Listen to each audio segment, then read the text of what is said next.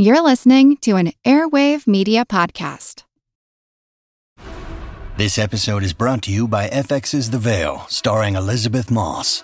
FX's The Veil is an international spy thriller that follows two women as they play a deadly game of truth and lies on the road from Istanbul to Paris and London. One woman has a secret, and the other has a mission to reveal it before thousands of lives are lost. FX's The Veil, now streaming, only on Hulu. When you need mealtime inspiration, it's worth shopping Kroger, where you'll find over 30,000 mouthwatering choices that excite your inner foodie. And no matter what tasty choice you make, you'll enjoy our everyday low prices, plus extra ways to save, like digital coupons worth over $600 each week. You can also save up to $1 off per gallon at the pump with fuel points. More savings and more inspiring flavors make shopping Kroger worth it every time. Kroger, fresh for everyone. Fuel restrictions apply. This is Kick Ass News. I'm Ben Mathis.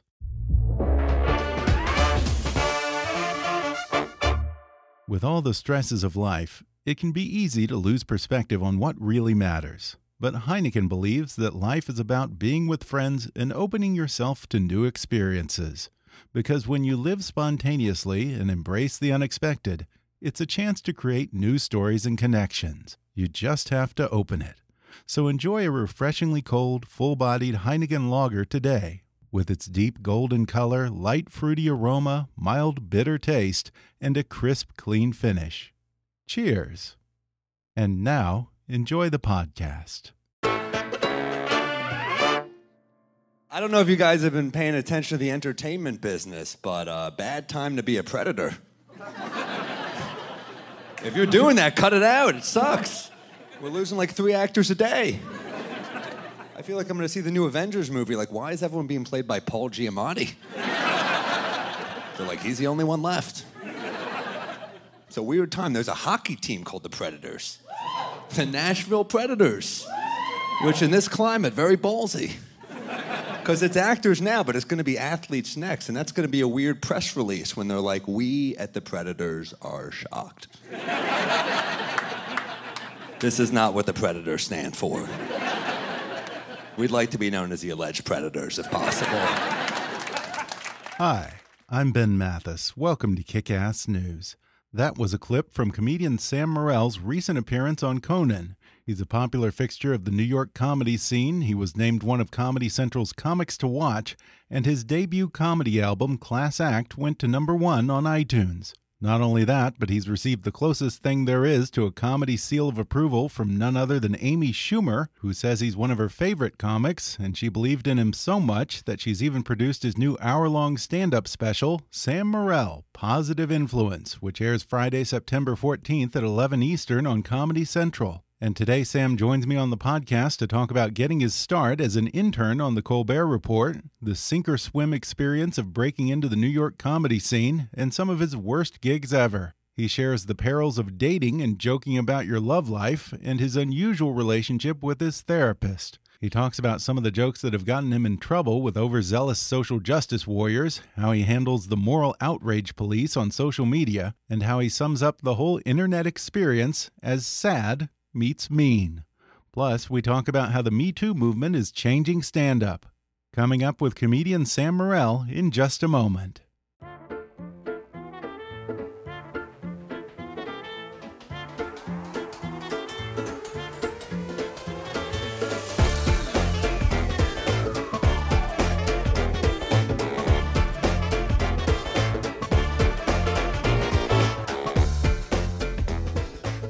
Sam Morril is one of the fastest rising stand up comics in New York City and one of the best joke writers on the scene today. He was named one of Comedy Central's comics to watch in 2011 and has performed on Comedy Central's Adam Devine's House Party, The Late Show with Stephen Colbert, and Conan.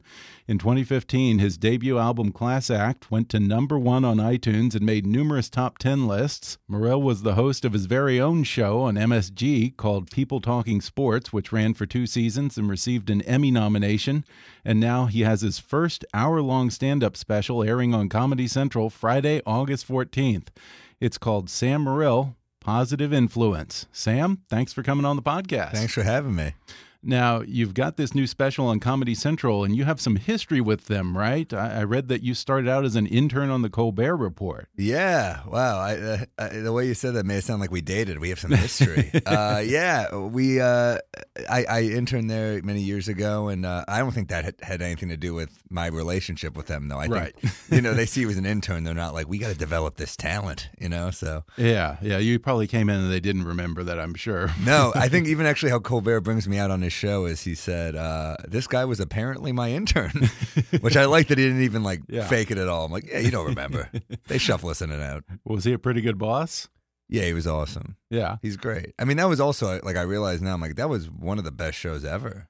That was just Report? genius. How committed he was to the character. Oh my god, it, it was, was, incredible. It was a classic. Like people try to redo that formula so mm -hmm. much, and it's like it's like Animal House. Good luck following that, you know? Yeah, and I, I love him on CBS. He's so funny, you know, even when he's just being himself. But uh, again, I just loved his commitment to the character and how every joke derived from his perspective as like a conservative talk show host. every, it was great, every man. question he asked guests. Well, you have you can go further with a character, you know. I mean, it's yeah. like it's like when you watch South Park. There's you know, children and animation. It's like they can do anything. Yeah. So when you have that character, it was like, well, he can say yeah. anything to these prominent guests. Yeah, it was it was yeah it was amazing. The perfect setup for a comedy. Now I've heard stories from other guests about how intense it was working on the Daily Show with Jon Stewart, and of course the Colbert Report spun off of the Daily Show. Was it equally hectic as an intern on that show? I, I wouldn't say hectic. We'd be doing weird stuff. They'd oh, be yeah. like, "Go to Harlem and get this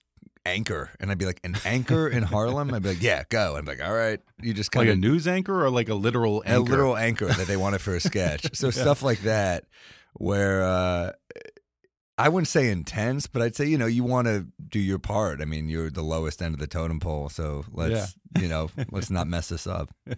And I'm sure people can tell from your accent you are a native New Yorker I right? am, yeah. Uh, what part of New York did you grow originally up originally Flatiron then the Upper East Side and I'm okay. currently an Upper West Sider Okay. New York's it's home. I love it. It's yeah. the best. It's funny. I don't get told that I have an accent unless oh, I really? leave. That's the only time people well, yeah. like, "You have an accent."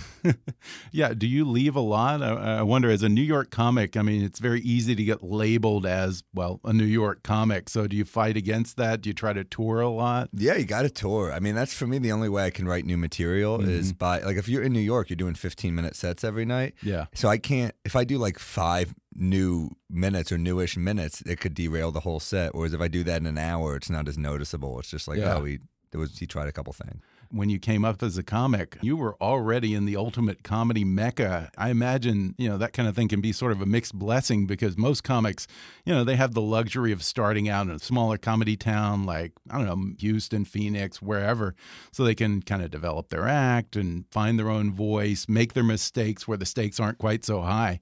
What was it like starting out in the New York comedy scene? It must have been a baptism of fire. Well, yeah, it's a mixed bag because you know, as you come, if you come from Minnesota, as you said, you're a big fish in a small pond. But then it's yeah. kind of a rude awakening when you come to New York because a lot of people come sure. and they're just like, "Why aren't I getting? I was so respected in Minnesota. Well, it's New York. No one cares, you know." So yeah. Uh, yeah, I think some people probably saw me when I wasn't good, and there's going to be the people that are like, "Well, I saw him five years ago and he's not good." And it's like, "Well, you can get good," but there's those people that look at you like, yeah. "Well, you're just not good." I've decided. Yeah. And then there's the other people that see you and they're just like, "Well, this guy's been around a long time and he's kind of paid his dues, and I've seen him when he was young, so I kind of like that he's doing all right now." Okay, so, so I think so you mixed. don't feel that it, uh, that it hurts you that badly if you know kind of there are people who remember you from a year or two back when you were just finding your legs as a comic. It's nice to have a little more. Mystique. I, I, wish I had a little more mystique. I mean, I think I think having coming comics when you know less, it's kind of interesting because because mm -hmm. you know you go to that fantasy and you're like, well, I bet this person's like this. Yeah, you know, it's like early on a relationship, and then you know more, and you're like, I like them less now. so I, yeah. I, I yeah, of course, I there's part of me that wishes that less was known, but I also, you know, at each level I'd be starting to play better clubs and better clubs, and I'd be around better and better comics, and mm-hmm. and it, it really does push you to to get better. But if you start, as you said, Minnesota, you know, something like that, they have a great club called Acme. So maybe you're the local guy who's working at Acme. You open for the headliner that comes to town. You get to develop relationships that way. So you meet and you learn in different ways. But for me, Mm-hmm. I, I kind of like the way it happened in New York. Yeah, but I mean, if you're in Boise or DC, you don't have to worry about there being a talent scout I like from you the said Late Boise Show or something. Boise or DC, like those are similar cities. I know, I know, but DC you know, there might be some talent. Oh, DC has a apparently has a really good comedy scene. It turns out you'd be surprised. Uh, Boise, I have no idea. I don't know. I just, Boise, that, I don't that was- think it's- I don't know how that came to mind. I actually, I think uh, some comic I know must be going to Boise soon, and that's how it stuck in my mind. I think. But now, you know, I always hate asking this question because I, I, I almost feel bad whenever I ask a comic who their inspirations were, who they looked up to, but. It is sincerely out of interest.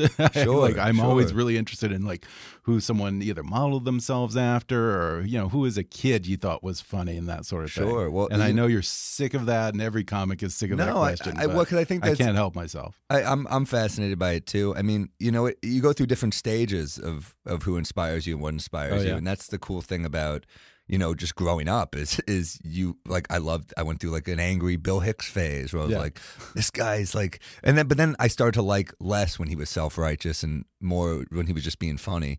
I loved Rodney Dangerfield so much growing up. Like to me, he was just the funniest person. Yeah. Like if you're in a room with that guy, how are you not just drawn, you know, to how funny he was nonstop? I mean, back to school, it's just one great joke after another. I think of that Yeah. scene when his wife's leaving him and back to school as like a perfect comedy scene where like you know, you should be devastated. Your wife's cheating on you. She's leaving. And he just keeps rattling off one liners on her. Mm-hmm. Yeah. It's kind of incredible. Yeah, and I kind of miss that. I miss the jokey comics, and, and, and there's a little bit of that to you, I think, because you're jokey without being hacky. You know, you're, Thanks. you're definitely you're wry and subversive, but at the same time, there's a little bit of kind of that classic old school joke form of like a Henny Youngman, George Burns, Rodney Dangerfield type.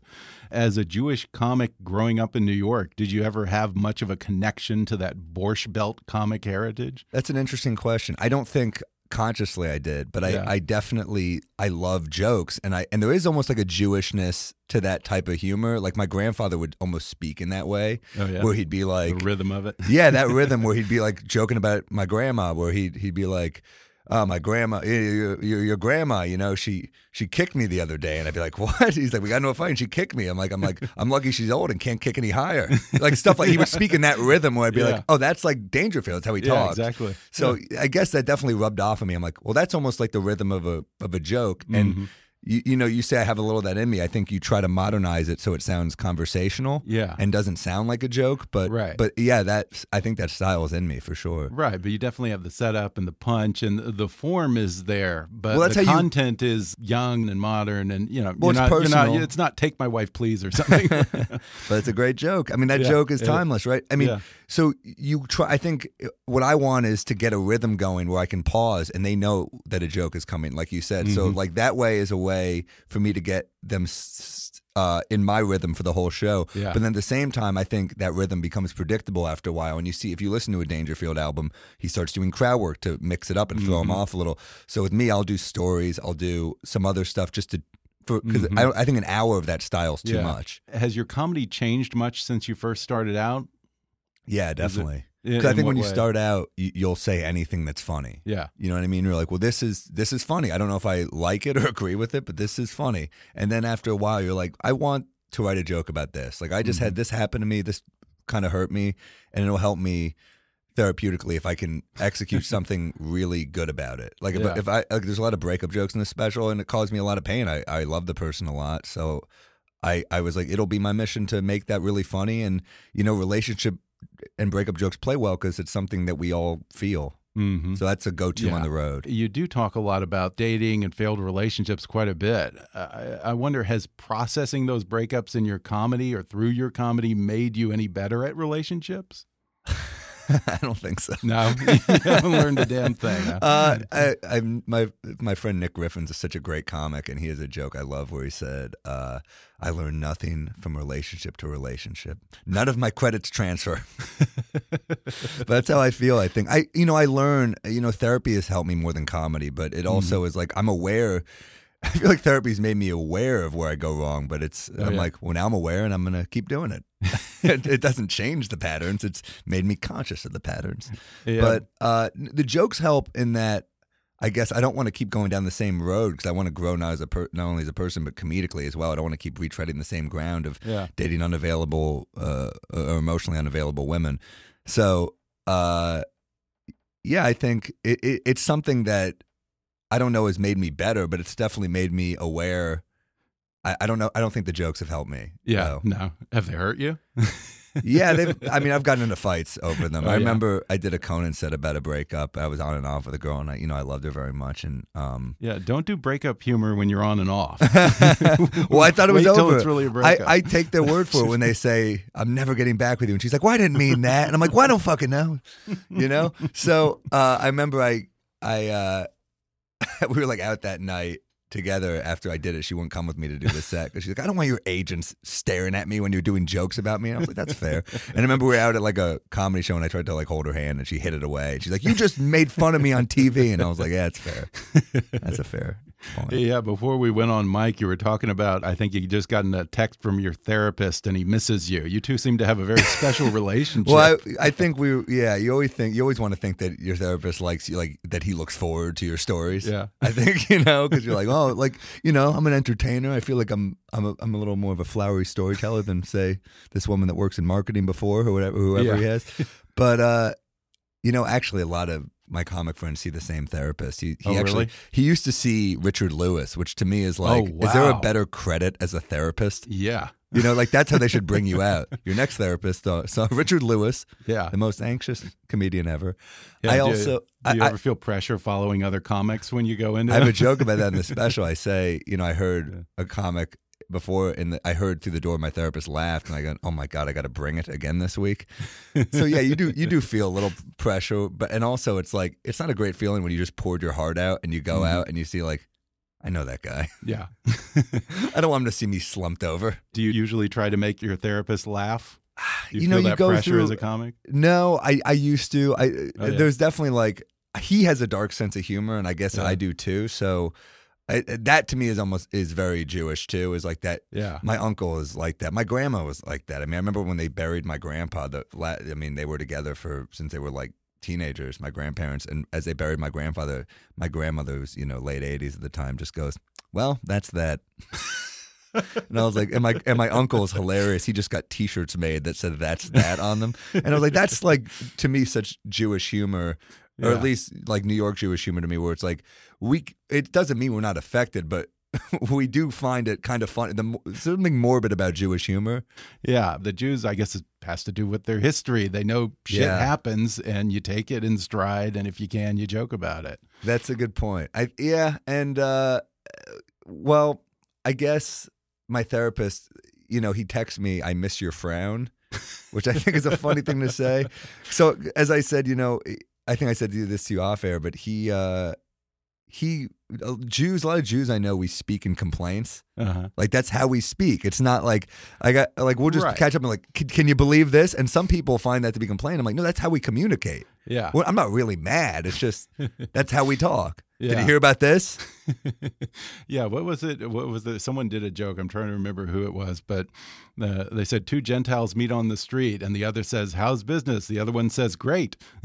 That's and it's like a joke. You only get the joke if you're not a Gentile. right, totally. That's perfect. You talk a lot in the special about Charlottesville and Yeah. kind of the ego of the KKK and their distorted self-image. Uh, Right. growing up as a Jew in New York, were you largely sheltered from that kind of, Of anti-Semitism? Of course. I mean, there's Yeah. a joke in there where I go on the road and I it's like I talk about my worst anti-Semitic moment. And the joke is that it wasn't bad at all. Of course, I was sheltered from it. Being a Yeah. Jew in New York, I, you know, uh, I mean, it's not. I used to have a joke where I said, um, where I would just say, I I, I heard the. Uh, I said I used to walk around and say I used to say "fuck the police" a lot. Yeah. You know, I say it was hard growing up white in Manhattan. You know, so I mean, you know, of course I was sheltered from it all, but then you you know I start reading about it and I start seeing it, and you know, of course I hear a lot of those people speaking about Charlottesville that they were like, we were joking. I'm like, well, you're holding torches. we were joking. That's what they said. They said the whole Jews will not replace us was like a troll, it was like a joke. But I'm like, yeah, well, context is everything, and you were holding torches, and yeah. in a large group. That pisses me off when people go and say genuinely hateful, horrific things and then say, oh, I was just trolling, or Trump's just trolling the media. You know, when he says, uh, don't take it seriously. Words How do you have know impact. seriously Words have not? impact, so I mean, choose carefully. That's why Yeah. I, you know, with those dark subjects, I don't like to riff. I like to think them out and then Mhm. perform them because Yeah. Uh, we're, people talk about free speech and how it's being taken away, and it's like, well, it's not being taken away, but w- words have impact, and Mm-hmm. and you should be conscious of that when you say things. Yeah. And if you're going to show up with torches and say anti-Semitic shit, you should expect to be taken seriously. you, your salary might take a hit. Don't be surprised that people don't want to employ you, and that goes viral. yeah. I th- some people I say, you know, think free speech is saying whatever you want with no consequence, Mm-hmm. and those are I don't get those rights at home. Yeah. Yeah. You've learned that the hard way, haven't you? there, people can react to what you're saying. There's always, Yeah. I mean, look, I definitely have mixed feelings about people costing people work Mm-hmm. when people start protesting and say you should not hire this guy and pressure people to fire them. Mm-hmm. I mean. But at the same time, there's people that are generally, I think intent goes a long way, and there's people that want to have a discourse who have opposing views, and there's people who are, as you said, just trolling. We're going to take a quick break, and then I'll be back with more with Sam Morril when we come back in just a moment.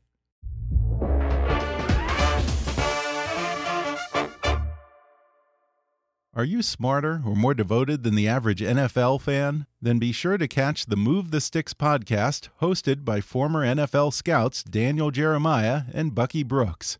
Jeremiah and Brooks break down the most impressive performances of the week, explaining how individual players and teams are able to be successful based on their skill sets, technique, and coaching decisions. The Move the Sticks podcast provides detailed analysis of the college and pro game from seasoned experts. From the NFL combined straight through the Super Bowl, there's no offseason on the Move the Sticks podcast. With guests like NFL GMs, head coaches, and top draft prospects, no one brings you the inner workings of football better than the Move the Sticks podcast.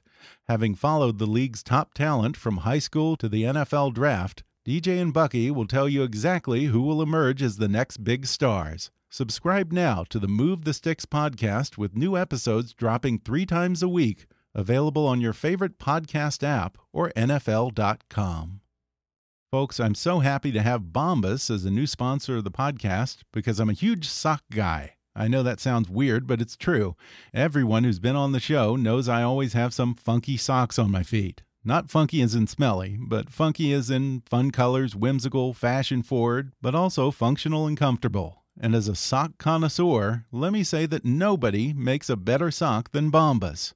Thanks to two years of research and development and multiple improvements in design, performance, and comfort, Bombas are the most comfortable socks in the history of feet. With an arch support system that provides extra support where you need it most and a cushioned footbed that's reinforced for comfort without added bulkiness, Bombas feel like a hug around your foot. Not to mention, Bombas Stay Up technology ensures that your socks stay in place without leaving a mark. And the super soft cotton material makes you never want to take them off. So whether you're a runner, power walker, or power lounger, that's me, there's a pair of Bombas that'll add comfort to your life. As a matter of fact, I'm wearing a pair of purple Bombas Marls calf length socks even as we speak. They come in every color of the rainbow, and I ordered them all because they look great and they're easily the most comfortable socks I've ever owned. There's a good reason. These socks are scientifically engineered for comfort. Think about that. How much time do you spend trying to find a comfortable pair of shoes? Now ask yourself how much thought you've ever given to your socks. Socks go on your feet too, folks, and if you're suffering from tired feet, consider this.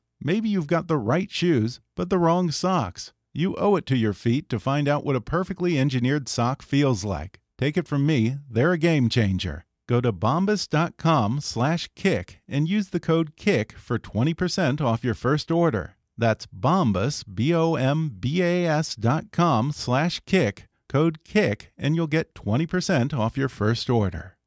And now, back to the podcast. Some of your best material gets to something that you've battled with, I think, probably for a big chunk of your career, which is internet trolls and social justice warriors. You say something that I thought was a little bit brilliant. You, you define the internet as sad meets mean. That's what it feels like. What do you mean by that? well, there's only I feel like people just air grievances in a way that's so self-indulgent. Like they mm-hmm. as we say like words mean something but on the internet you're anonymous and people just throw stuff out there without any second thought. It just goes up. I see some stuff on facebook sometimes where people are just like Yeah. had a had a rough day. I'm sad. I'm like you're just putting that into the abyss? You're just throwing that out there? So, so there's that and then there's the people that will just comment underneath th- that will like, "We'll get a life and you're like well both of you are scaring me what the hell is going Yeah. on what's happening Yeah. there used to be like the strong silent type. I feel Yeah. like you know we. I remember know. Tony Soprano always talks about that on Sopranos. What happened to the strong silent Yeah, type? what happened to the men of the 50s? Right. They all And- had heart attacks at 50. They died young and weren't very Yeah. good to women. Let's face it. But but they look good on film. yeah. But uh, there was you know in moderation. There's something nice about that about being able to Yeah. kind of you know like we, John McCain just passed away and and I think there's a lot of interesting conversation about him where he wasn't a perfect guy and I really disliked a lot of things he stood for. I'd say most of the things he stood for, but he was like a real man's man in so many ways. Yeah. And I think he was. We talk about disagreeing. I think he was a decent guy. Even if I disagreed with him on things, I kind of believed that whatever he was doing, he did it because in his heart, he really believed that it was the right thing to do, which is crazy nostalgic now to even contemplate something like that. But Isn't that weird? Yeah, it's like it's funny how we, I remember George Bush kept saying, "Well, history will judge my presidency," and God damn it, he was right. who who saw that coming? yeah, But sure. uh, you know, yeah, I think it, the internet really does depress me, and I think it's Yeah. important to remember to to disengage and Yeah. to and to to unplug because yeah, you you I think start to internalize that stuff that that Oh, sadness sure. or that cruelty and it's not who we are but when you're on the internet there's something about it where you're like well I guess this is a part like you just see Mm-hmm. it's you would never speak to a person this way no, but for some reason people just write shit to me that I'm like oh I can't believe a person just I mean that's mm-hmm. so strange Yeah. Yeah. I, I had someone on who talked about the science of it and how it's way better if you're going to have a political conversation, just have it face to face or over the phone, just verbally. It completely changes the DNA of that conversation and how you treat the other person as Totally. opposed to like writing an email or, God forbid, going on Facebook or Twitter. And course, I mean, think about 3D guns now. Even Oh, that interaction at the gun store was with was it was with a human. yeah. Now you're just like, I read a comment, I'm going to print That's a gun. interesting. You know what I mean? never like thought about that. human interactions. It's good to to be around people to see that there is good in people. I mean, Mhm. tone is so often interpreted negatively. Like if you get an Yeah. email, you're like, what did this mean? It probably meant Yeah, nothing. Text. But oh. how often do we yeah. interpret the worst from any writing? Mhm. Now, do you ever engage with your Twitter trolls? I have. Try to I, mix I, it up. I don't really anymore. I Yeah. remember I had a talk I, at that sports show, and they they please stop engaging with trolls because I would jokingly just. I remember on Yeah. one of them they. I, I think I say it in the special, but they say someone tweeted me your comedy's a waste, and I, I retweeted it and wrote your father's jizz was a waste. so, uh, but then after that, they were like, "We should, you should stop doing stuff like that." I was like, "That's fair." so, uh, yeah, I don't really anymore, but uh, it's. Yeah. I mean, it's it's pointless. They want the. They're Yeah. doing it to get a rise. So I think Right. if you just don't give them anything, Yeah, I think you said that when you had your show on MSG, they made you go through like some kind of media training or whatever. Well, they what were like, kind of things did they tell you? certain things you can say and can't say. I, it was pretty oh, basic. sure. Oh, okay. It was, okay. they, and they were actually, I think, pretty fair about okay. it. It I wasn't mean, specific to you. no, no. I mean, I think More they, standards and practices. I think that it was probably somewhat specific because they Okay. had they, they're not used to having comedians on their network, and I think they were like, let's just make sure this guy Yeah. is he. They had like a. A billboard of me on Penn Station on MSG and stuff. So they're like, "You're the face of our network right now. So could you not, you know, be reckless?" And I was like, "That's yeah. fair." you Yeah. know? Now, apparently, even your mom trolls you on Facebook, right? Yeah, my mom. Uh, my mom is hilarious because she'll do like. I'll talk to her on the phone. I'll just like sometimes I'll run jokes by her because I want it to be funny to everybody, you know. So I'll run a joke by her and she'll laugh and go, "That's not funny." I'm like, "We just laughed," you know. I feel like that's like trolling me. Yeah. Or she'll like, she yeah she she is furious whenever I use the wrong grammar. Oh, yeah. You know, if I say less instead of fewer, I mean, oh my god, I, I she's like, God, and I'm just like, Mom, I, I you're, I mean, she's right. She's, Yeah. you know, she's very smart, she's right. so she. Words matter to her, and I, we're Yeah. talking about how words matter. And yeah, you know, Yeah. the, the language is being butchered worse and Yeah. worse every day. So, Good like, I her. talk about this a lot. Is that your com like your humor as a comic, like what type of jokes you tell, come Mm-hmm. from your relationship with your parents. I think, and my mom was always growing up. I'd always, you know, I was in a blended family, so my brother and sister, who you know, stepbrother and stepsister, were you know were very quiet, and I was like a loud, gabby Jew. I was just talking all the time, and I would try to get a rise out of people because everyone was so quiet. So I would just say something inappropriate, and my mom would always be like, "Sam," and I feel like that's my sense of humor Yeah. defined as just my mom saying Sam. Yeah. It's just me poking her a little bit. yeah. Every family has one of those, though. It's usually the, the, one who kind of says what everyone's thinking, or says, you know, when it, whenever it's awkward, just breaks the ice and makes it a little bit better. I think so. Now, you've run afoul of the moral outrage police once or twice in your career. You got a lot of crap for a joke that you made about Kendall Jenner on Colbert, and then your act. You actually talk about Caitlyn, some, not Kendall. Oh, Caitlyn. Oh, Caitlyn. Yeah. I get them mixed up. Which one? Which one? I don't even know. Cait- Caitlin's the Olympic That's Bruce hero. Jenner. Wait, Yeah. okay, Bruce Jenner. Okay, Bruce Jenner, who is now Caitlyn Jenner. Yeah, yeah. Okay. In your act, you also talk about some woman who apparently she was so upset by some joke that you made that she actually took the time to write the club afterwards. Yeah, people do that sometimes, and the Cellar's always pretty supportive. Oh, yeah. um, They wrote the Comedy Cellar. The Comedy Cellar forwarded me the email, ha ha ha, with an exclamation point. I mean, they find it funny because I think they Yeah. see me as a bit of a nuisance, but Yeah. you know, they know that the intent is is usually good. I remember Estee, who books the club, who's you know obviously been very good to me over the years. She's really been supportive always, and uh, she, I think, once. I never. So you never know how people feel about you. I know she booked me, but you never know until they. And she did an interview. I remember when I did Colbert and for some local thing on CBS, and she said, "I really like the way he walks the line carefully." Yeah. So, uh, you know, there's times she's happier and not as happy with me, and I think the whole Gator thing. She's like, "What? What did he do now?" So we were on the Comedy Cellar podcast talking about the whole Gator thing. And yeah, remind us because you were making fun of something that had just there was happened. a baby at that got World. yeah, baby that got Yeah. an easy, uh, easy, Easy. a baby he went down easy. Uh, there was a baby that got eaten by a Disney, uh, by a gator at Disney, Yeah. and uh, no, and not I- one, not on the jungle ride, a real gator, right? a real gator. And I and look, Yeah. I Comedy Central, I think did not want this in the special. So Oh, I had- really? yeah, I mean, we had to fight them. Apparently, I didn't know how Okay. close it got to being cut, but uh, it went from not being in the special to apparently the whole thing's going to be on YouTube. That whole bit.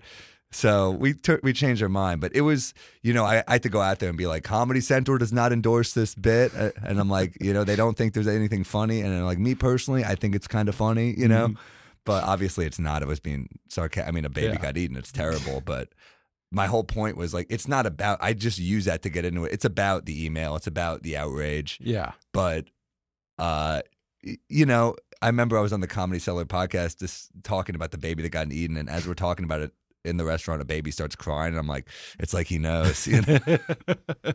And she you. and she kind of i kind of disarmed her with that type of stuff and it got a little i think she got it. She heard the bit eventually and got it i think. Yeah. it was i don't think it's a malicious bit. I think it's just me No. understanding her. And and as i said intent is really everything with Mhm. that to me.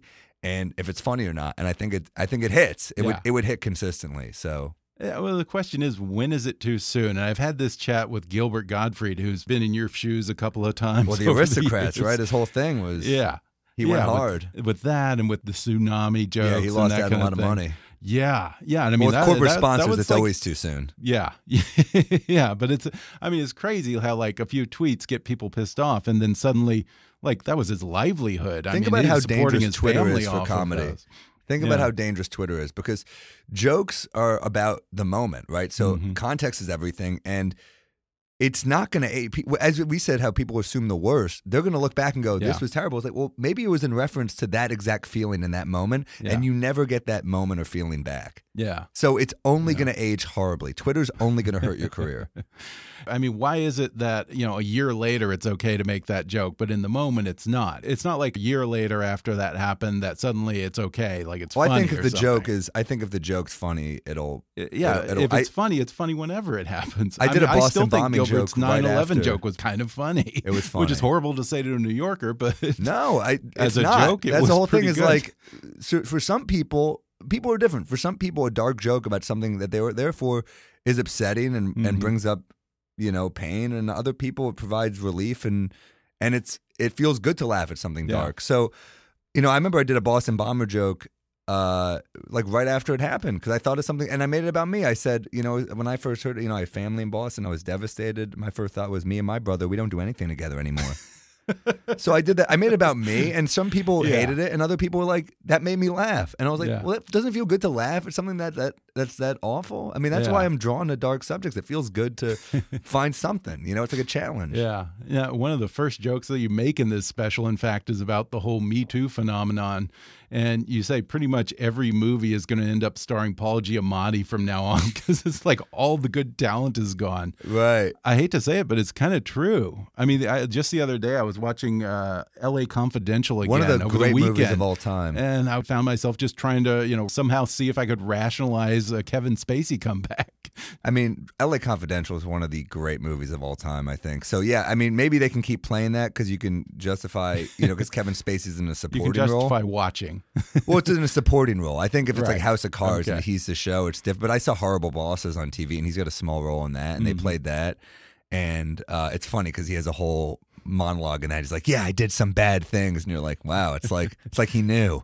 Yeah. Uh, but yeah, I, I mean, I have a whole big. It's funny that Me Too chunk started a whole like I taped it. I just thought of that like the week of and threw it. Oh, in really? there. No yeah, kidding. And because we shot in December, and then it turned into a whole big chunk. So my next special is gonna have a big Me Too chunk, and I Oh, yeah. I really like where it's at right now. I'm- think I have some really fun takes. It's like it's. I think it's inoffensive. I think it's just. Yeah. It's. A, a subject that I've had to kind of walk the line a little bit Oh, I'm because sure. I want to understand, you know, women's feelings about it, and I don't Mhm. want to be, I don't want to jump in too quickly and think like, oh, great, a straight white guy's take on me too, and it's like, no, I want to Yeah. want listen to it. I think it'll make you laugh. Uh, it's it's almost sacrilege to say this, but I mean there is a line between a rapist like Harvey Weinstein and like the Kumail Nanjiani thing, or, or, or sorry, or no, Aziz Ansari.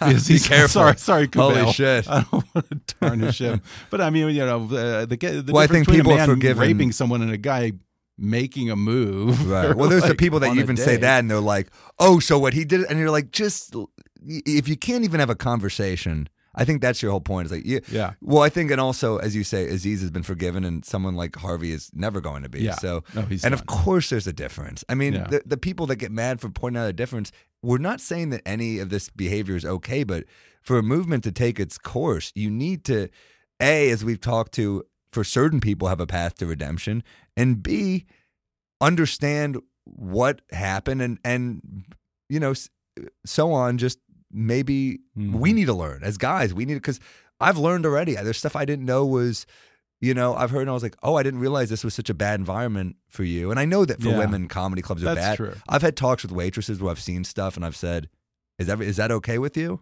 And I've had to Mhm. do that. And some are like old school where they're like, yeah, that's the business. and other people are like, you know, I, I've actually I don't think I've ever had it where they say, no, that's not. I'm not comfortable. But Mhm. if it is, I think it's like you got to make these environments safe for women. You got to make them Yeah. feel good and Yeah, and it's probably hard for a lot of guys to understand too, because like uh, for a lot of women, it's something so subtle that no guy would actually pick up on it. But women being intuitive, they can tell when a vibe is off. They can tell when there's creepy Absolutely. intent. It would just completely go over our heads. drunk though. guys or Yeah. like you know the fact they have to walk to their car late at night like I, Yeah. I hate thinking about that some of my best friends have to do that and Yeah, and uh yeah it makes me it makes me angry when I think about it one of your best female friends is Amy Schumer, I guess, who produced well I wouldn't say that but I Oh, mean no? we're friends Okay. I mean we're not like best friends but okay, she's that was a pretty bad segue. Then. um, she did produce the special though, and she introduces you on stage as one of her favorite comics. That was really what a huge compliment Yeah, that that is really that she's a fan of yours. How, did- Well, how yeah. did all that happen? well you know her uh her opener is this comic Mark Normand who is a good friend of mine and Mark's Mm-hmm. a, a great comic and you know occasionally Mark wouldn't be able to do it and I think she just I guess knew me through Mark, and Mark, I guess, spoke highly of me, and and she saw me a couple times and was like, "All right, I'll use him." Okay, And then it went well, and we had, she's a good hang on the road. She makes Yeah. it very easy, and yeah, one day we were just uh, talking. I guess her mom quoted one of my bits. Oh yeah, Uh, we were on her helicopter coming back from Philly, and her mom was quoting one of my bits, and Amy kept laughing. She was like, "I really like that bit a lot," and she's like, "I really like like all your jokes." Uh, so I, you know, Wow. if you if you think about doing a special, I'd love to be a part of it. And I was like, oh That's wow, a huge deal for her to stick her neck out for any comic like that. it was that. pretty cool. Well, she does that. She's super. Yeah, I mean, I guess she does. Be You're aware right. of comics who do stuff like that. She 'cause has done that. There are a lot of big comics who don't do that, and Mhm. Amy's one Yeah, of the ones. sure. It goes a long way when someone Yeah. uses their clout to help others, and and I think she's like that not just in entertainment, but I think she's very Mhm. charitable and. uh you know, she's conscious of giving back in, Yeah. in, in more ways than one. Now, how long did you have to work on this set before you were ready to do a special? it was like two years or so. Two years? ish, around yeah, two years. Because this is your first hour long, right? Yeah, the other one Yeah. was an album and a and a so it was like a half hour special and then a album that was probably like Mhm. 50 minutes and then this is an hour. Before I forget, I want to compliment you on your opening scene for the special because I usually hate those. Me They really annoy me, and I don't know where in the whole comedy special chemistry someone decided that you have to make a student film before you go on stage. Isn't now. it weird? But I actually enjoyed yours because it's so offbeat and it's so New York that it really sets the tone for the whole show. I felt that was all Amy, man. I mean, we, Oh, you know- really? well, I chose. I was like, I don't know what I want to do yet, but I want to shoot it at Barney Greengrass. I remember pitching her an idea, and she kind of paused. She goes, "Hmm, or we could do something funny." And I was like, "That's a good idea." And uh, we're at Barney Greengrass, and Steve Ast, who's one of the producers on it, brought in that older woman who you saw in the uh, opening, and it just kind of Amy was like, "What if you tried to pick her up? I mean, you're just writing, and you're because I wanted to capture that New York feeling Yeah. of like we're just in a coffee shop, we're isolated. I feel like we're almost like private eyes in a way. We're just trying to put things together alone. It's lonely existence, and then, uh, and then if I just you know I'm eating a bagel, and if I just catch eyes with a much older woman, and uh, she was so funny. All her facial expressions were yeah. so naturally funny, and Yeah. she actually. I- She messaged me the other day. She's, Oh, no kidding. She's gonna come. I'm gonna do a little premiere party, and she's gonna come. That's awesome. So yeah, it was so strange and it's so simple, really, like the whole setup. But People it was, But it overthink was perfect. But it was perfect for this. You know, it wasn't simple and some weirdly kinda overblown, ridiculous thing. yeah. Are you doing a lot of touring after this?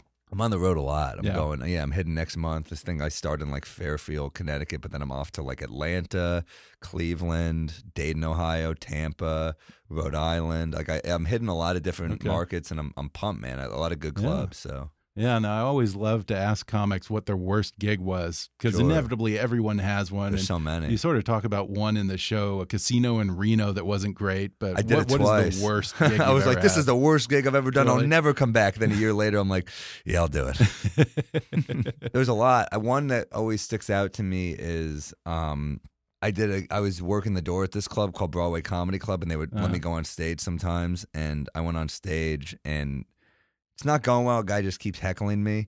And I was like, "Shut up!" I just like, try, I was like, "Shut." I, I had, I tried to handle it in a witty way at first, and I just, he just wouldn't go away. So, Yeah. and the wait staff liked me because I worked the door, so I, we were kind of like they felt like they were on my side. You know, they knew Yeah. me from like I'm a comic, but I also am kind of one of them. Mhm. So uh, I remember this guy just standing up, and I'm like, "What's he gonna do? Is he gonna?" Jump? I'm like, "You have that thing where you're like, am I gonna have to fucking fight a guy?" and he and this stuff like this has happened before they rush the stage. Uh, but this one, for whatever reason, sticks out to me because it was so degrading. I remember I just hear, and I'm like, "Oh no!" Oh God. and he just nails me right on the chest with spit. And he would have gotten closer, but these all these tough Latina waitresses are barricading the stage, not letting him get to me. And then as he spits on me, the whole crowd just like, what do I do? He leaves, and I just decide to go into jokes. I'm like, I don't Yeah. know what else to do, but it Yeah. didn't. It didn't play. They were like, you. They all looked at me like they pitied me, and I was like, yeah, as they should. That's what every comic's going for. well, Sam, you're a very funny man. Sam Morril, Positive Influence, airs Friday, August 14th on Comedy Central. And where can people get your tour dates? Uh, sammorril.com. They could go Twitter, Instagram. It's just my name, S A M M O R R I L. Well, like I said, you're a very funny man. Folks, go check him out. And thanks for talking with me, Sam. Thanks for having me, dude. Thanks again to Sam Morril for coming on the podcast. His new hour long comedy special, Sam Morril Positive Influence, airs September 14th at 11 Eastern and Pacific on Comedy Central. Again, check his upcoming live shows at sammorril.com and follow him on Twitter at, at Sam Morril. You deserve a better email marketing platform. And unlike other email providers, Emma puts its customers first. It's powerful email marketing with a personal touch. Their award winning team is always ready to support you on your email marketing strategy, design, list migration, and more, so you'll have everything you need to do your best email marketing yet. Request a customized demo of Emma's email marketing platform today at myemma.com. Again, that's myemma.com. If you haven't already, be sure to subscribe to Kickass News on iTunes and leave us a review. You can follow us on Facebook or on Twitter at, at KickassNewsPod. And as always, I welcome your comments, questions, and ideas at comments at kickassnews.com. I'm Ben Mathis, and thanks for listening to Kickass News.